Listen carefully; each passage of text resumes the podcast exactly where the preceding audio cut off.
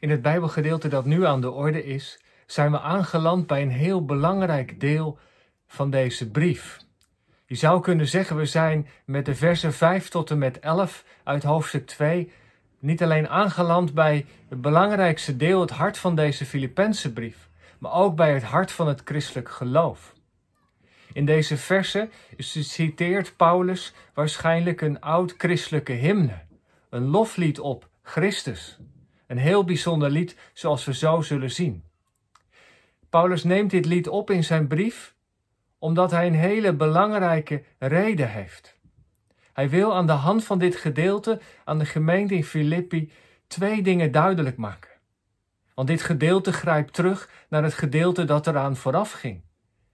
In de versen hoofdstuk 1, vers 27 tot hoofdstuk 2, vers 4 ging het over de onderlinge eenheid in de gemeente en de uitdagingen die er waren. Paulus probeert met dit, ja, met deze hymne op Christus daar antwoord op te geven. En aan de andere kant grijpt het grijpt dus terug. Aan de andere kant grijpt het ook vooruit naar het gedeelte dat volgt. Dan gaat het niet zozeer over de eenheid, maar over de heiligheid van de gemeente. En dat is een heel, ook een heel belangrijk thema. De eenheid en de heiligheid van de gemeente zijn twee centrale thema's in deze Filippense brief. Nou, we gaan uh, samen hierover nadenken. Filippenzen 2, vers 5 tot en met 11. Loflied op Christus en aansporing tot nederigheid. Laat onder u de gezindheid heersen die Christus Jezus had. Hij die de gestalte van God had, hield zijn gelijkheid aan God niet vast, maar deed er afstand van. Hij nam de gestalte aan van een slaaf en werd gelijk aan een mens. En als mens verschenen, heeft hij zich vernederd en werd gehoorzaam tot in de dood. De dood aan het kruis. Daarom heeft God hem hoog verheven en hem de naam geschonken die elke naam te boven gaat. Opdat in de naam van Jezus elke knie zich zal buigen, in de hemel, op de aarde en onder de aarde.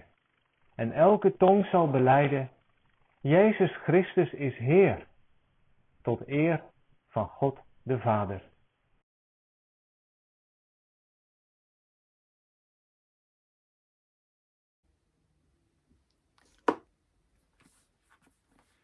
In dit prachtige lied dat Paulus in hoofdstuk 2 opneemt, zien we hoe de Heer Jezus is, zien we Hem ten voeten uit. We hebben een heiland die vanuit zijn hoge positie die hij had naar beneden is gekomen, mens is geworden. Paulus schrijft dat hij in de gestalte van God was, in de morfe, in de hemelse heerlijkheid die hij deelde met zijn Vader in de hemel. En die hemelse heerlijkheid heeft hij afgelegd. Hij heeft zich ontledigd. Hij heeft afstand gedaan van die hemelse heerlijkheid. Hij heeft allerlei eigenschappen die hij had, alomtegenwoordigheid, alwetendheid die hij had in zijn positie als God, heeft hij afgelegd om mens te kunnen worden. Om hier beneden in dit aardse dal, wat zo getekend is door zonde en ziekte, mens te kunnen zijn naar Gods hart. Om hier beneden als de Messias van Israël de vervulling van al die oud-testamentische beloften en als de heiland van deze wereld hier de schuld en de zonde en de ziekte van onze mensen te dragen en ons met God te verzoenen. In dit lied zien we de weg afgetekend die Jezus is gegaan uit de hoge hemel hier naar beneden. En toen hij hier beneden op aarde zijn heilswerk heeft volbracht, toen hij gehoorzaam is geweest. En Paulus ja, die benadrukt het, dat zelfs hij is gehoorzaam geweest tot aan de dood. Ja, de dood van het kruisen. En dan moet je weten dat in de Joodse traditie iemand die aan het kruis hinkt vervloekt was. Dat kon niet de zoon van God zijn, dat kon niet God zelf zijn. Dat moest wel iemand zijn die een grote zonde had begaan. Nee, Jezus is die weggegaan vanuit de hemel, daalde hij neer om bij ons mensen te zijn, om ons die vervreemd waren van God weer bij God terug te brengen. En hij was bereid om de uiterste prijs te betalen, zijn eigen leven. En zo is hij in die afdaling eh, gehoorzaam geweest tot aan het bittere einde. En toen uiteindelijk hij gekruisigd is, toen de woorden het is volbracht hebben geklonken, toen had hij de taak die hij van de Vader had gekregen om ons te redden, helemaal voltooid. Je ziet in het lied als het ware een soort V-vorm. In de versen 6, 7 en 8 is die beweging naar beneden. De gehoorzaamheid, de afdaling. Vroeg in de dogmatiek zeiden ze dat zijn de trappen van de vernedering. En dan volgen vanaf vers 9 tot en met 11 de trappen van de verhoging. En die omslag zit in het woordje daarom. Daarom heeft God hem ook uitermate verhoogd. Daar zit ook iets van de, van de vreugde in, van, van de dankbaarheid. Alle engelen in de hemel hebben staan juichen dat Jezus de missie heeft volbracht. En als een soort bekroning, dan wordt hij door de Heere God verheerlijkt. En daarin zien we de weg weer omhoog. Dat hij opgestaan is uit de dood, dat hij ten hemel is gevaren en weer teruggekeerd. In de hemelse heerlijk in de, in de positie die hij had voordat hij de weg naar de aarde ging. De V-vorm, trappen van de vernedering en de trappen van de verhoging. En het is bijzonder als je dit lied leest, dan kom je eigenlijk ook wel als het goed is, en daarom schrijft Paulus het ook onder de indruk. Wat een diepe liefde die de Heer Jezus heeft gehad om alles wat hij had, zeg maar, daar afstand van te nemen. Dat woordje ontledigen, dat zegt dat ook. Hij heeft afstand gedaan van die heerlijkheid die hij had. Afstand van allerlei eigenschappen, alomtegenwoordigheid, alwetendheid. Als mens kon hij niet meer overal tegenwoordig zijn. Er waren dingen die hij in zijn mens zijn niet wist. Uur waarop de vader dingen besloten had, waren hem uh, niet langer bekend. Uh, dat is, was alleen aan zijn vader. Dus hij heeft heel veel dingen afgelegd om hier beneden mens te kunnen worden. En daarin zie je in elke stap hoe dieper hij naar beneden komt, hoe dieper hij het mens zijn binnengaat. Daarin zie je zijn diepe liefde. En moet je voorstellen, als je geen zonde hebt gekend, geen ruzie, geen conflicten, en je wordt mens en je komt in een situatie waar, waar onheil is, Waar mensen elkaar naar het leven staan, waar het leven door de zonde is getekend, dat moet voor die Jezus verschrikkelijk zijn geweest. Maar hij heeft het allemaal willen ondergaan. En hij heel zijn leven, zeg maar, van zijn geboorte in de nederige omstandigheden tot uiteindelijk het kruis, heeft hij het zwaar te verduren gehad. Er zijn altijd mensen geweest die hem hebben bekritiseerd. Nooit was het goed. En toch deed hij de wil van de Vader. En daarom heeft God hem ook verhoogd. En nu heeft hij weer die positie gekregen die hij had vooraf, vanaf het allereerste begin. En wat is nou de wens, wat is nou het verlangen van de, van de Heere God? dat iedereen hem als de Heer van hun leven zal erkennen, opdat in de naam van Jezus elke knie zich zal buigen in de hemel, op de aarde en onder de aarde en elke tong zal beleiden. Daar gaat het uiteindelijk om. Jezus is die weggegaan tot eer van de Vader, maar wel opdat elke tong zal beleiden. Jezus Christus is Heer. En dat is de, ja, de oud-christelijke beleidenis. De meest kort, korte eigenlijk. Jezus Christus is Heer. Jezus is Heer. Hij, Jezus, God die redt, Hij die mij gered heeft, is uiteindelijk mijn Heer. En daar, daar gaat het om in het leven van ons als gelovigen, dat onze redder, degene die zich over ons leven heeft ontfermd, dat we hem die ruimte geven om ook de Heer te zijn van ons leven. Nou ja, in dit prachtige lied wat Paulus zo, zo opneemt, zien we dus heel veel dingen uit het leven van, van de Heer Jezus eh, afgetekend. En tegelijkertijd, en dat, dat is wat Paulus ook verder gaat uitwerken, vertelt hij dit wel met een bepaald doel. De sleutel eh, ligt in vers 5. Want in vers 5 lezen wij: Laat die gezindheid in u zijn, die ook in Christus Jezus was. Die gezindheid. Dat woord, eh, dat Griekse woord phroneo, dat heeft met ons denken te maken. Dat wat je denkt. Eh, de mening die je hebt. Eh, de Statenvertaling heeft het over je gevoelen. Je zou kunnen zeggen dat dat, dat wat je, levenshouding kenmerkt. Uh, daar datgene waarop je bedacht bent, ehm, wat je in gedachten houdt, wat belangrijk voor je is. Het zijn dingen die je moet bedenken, die gezindheid hebben, die ook in de Heer Jezus was. Hier trekt Paulus dus een parallel. Hij zegt, kijk goed naar de Heer Jezus. Hij is van die hoge hemel neergedaald. Hier op aarde is hij mens geworden. En God heeft als bekroning hem ook weer verheerlijkt. Maar die beweging die Jezus heeft gemaakt, is een beweging die wij als gelovigen ook moeten maken. En dat zegt hij dus tegen de gemeente daar in in die oneenigheid die er is, in die uitdagingen.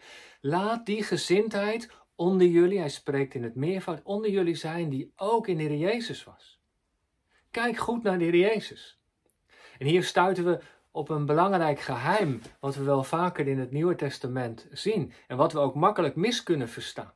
Kijk, van, vandaag de dag wordt door heel veel mensen gezegd die soms ook niet eens heel veel met het christelijk geloof hebben. Nou, Jezus vind ik wel een mooie persoon. Hij heeft in ieder geval een heel mooi voorbeeld nagelaten. En dat is inderdaad één aspect van, van zijn werk, zijn komst, zijn leven. Dat hij als het ware heeft laten zien hoe het leven met God eruit ziet. Apostel Petrus kan in zijn brief later zeggen dat Christus ons een voorbeeld heeft nagelaten opdat wij in zijn voetstappen eh, zouden wandelen. Dus Jezus heeft het ons voorgedaan. Hoe ziet nou een leven naar Gods wil, er, wil eruit? Paulus zegt: kijk naar Jezus. Het misverstand is dat heel vaak wordt gedacht, of dat je zou kunnen denken, hè, dat, dat wij op een of andere manier door dit te doen iets moeten verdienen de goedkeuring, de zaligheid, onze redding. Maar dat is niet het geval. Dat is natuurlijk een misverstand. Als het gaat om onze verzoening, als het om de verzoening van onze zonde, als het gaat om de redding, dan heeft Jezus dat helemaal alleen gedaan. Hij heeft de weg van de hemel naar de aarde, in de gehoorzaamheid aan God de Vader, is hij die weg helemaal alleen gegaan. Verzoening hangt af van wat hij heeft gedaan. Hij heeft het voor ons gedaan zonder ons. Dat is een heel belangrijke lijn in de Bijbel. Wat de vergeving die God geeft, de genade, de liefde, die hangen niet af van wat wij allemaal presteren, maar die zijn een vrucht van wat Jezus heeft gedaan. Dat zijn de verdiensten van de Jezus. Maar tegelijkertijd is er ook die andere lijn, dat Jezus ook heeft laten zien hoe het mens zijn naar Gods hart eruit ziet. Hij was de perfecte mens. Hij was de tweede Adam. Hij was de Adam die, ja, zoals God die echt heeft bedoeld. En daarom is het ook belangrijk om naar Hem te kijken en van Hem te leren.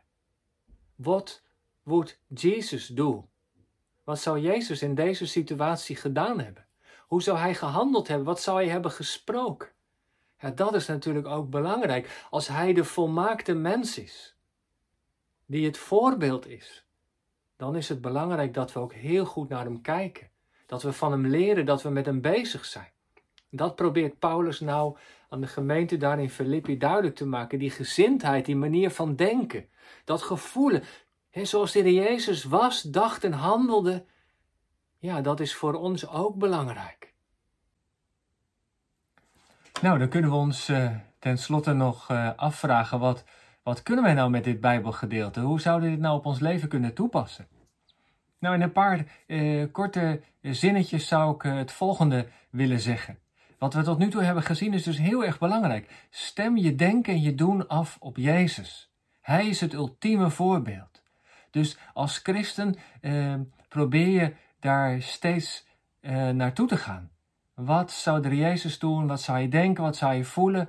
En ja, daar is het belangrijk natuurlijk dat je een evangelie leest, dat je met de Bijbel bezig bent, dat je daar kennis van hebt, maar dat je die vraag stelt, ook biddend, in welke situatie ook, dat je, dat je steeds meer uh, op zijn golflengte komt. Het is trouwens ook in een relatie zo met vriendschap zo. Hè? Naarmate je mensen beter leert kennen, eh, weet je ook wat die ander fijn vindt of wat die ander juist niet fijn vindt. Eh, je hebt soms maar een enkel woord nodig om die ander te kunnen begrijpen. Nou, dat is eigenlijk ook wat Paulus verlangt en, en wat God ook graag aan ons wil geven. Naarmate we meer investeren in de relatie met de Heer Jezus, hè, zullen we ook beter zicht krijgen op wat Hij wel of niet belangrijk vindt. En het tweede zou je, zou je kunnen zeggen, eh, de Heer Jezus heeft die hoge positie die, die, die hij had, heeft hij opgegeven omwille van ons. Hij kwam van de troon af.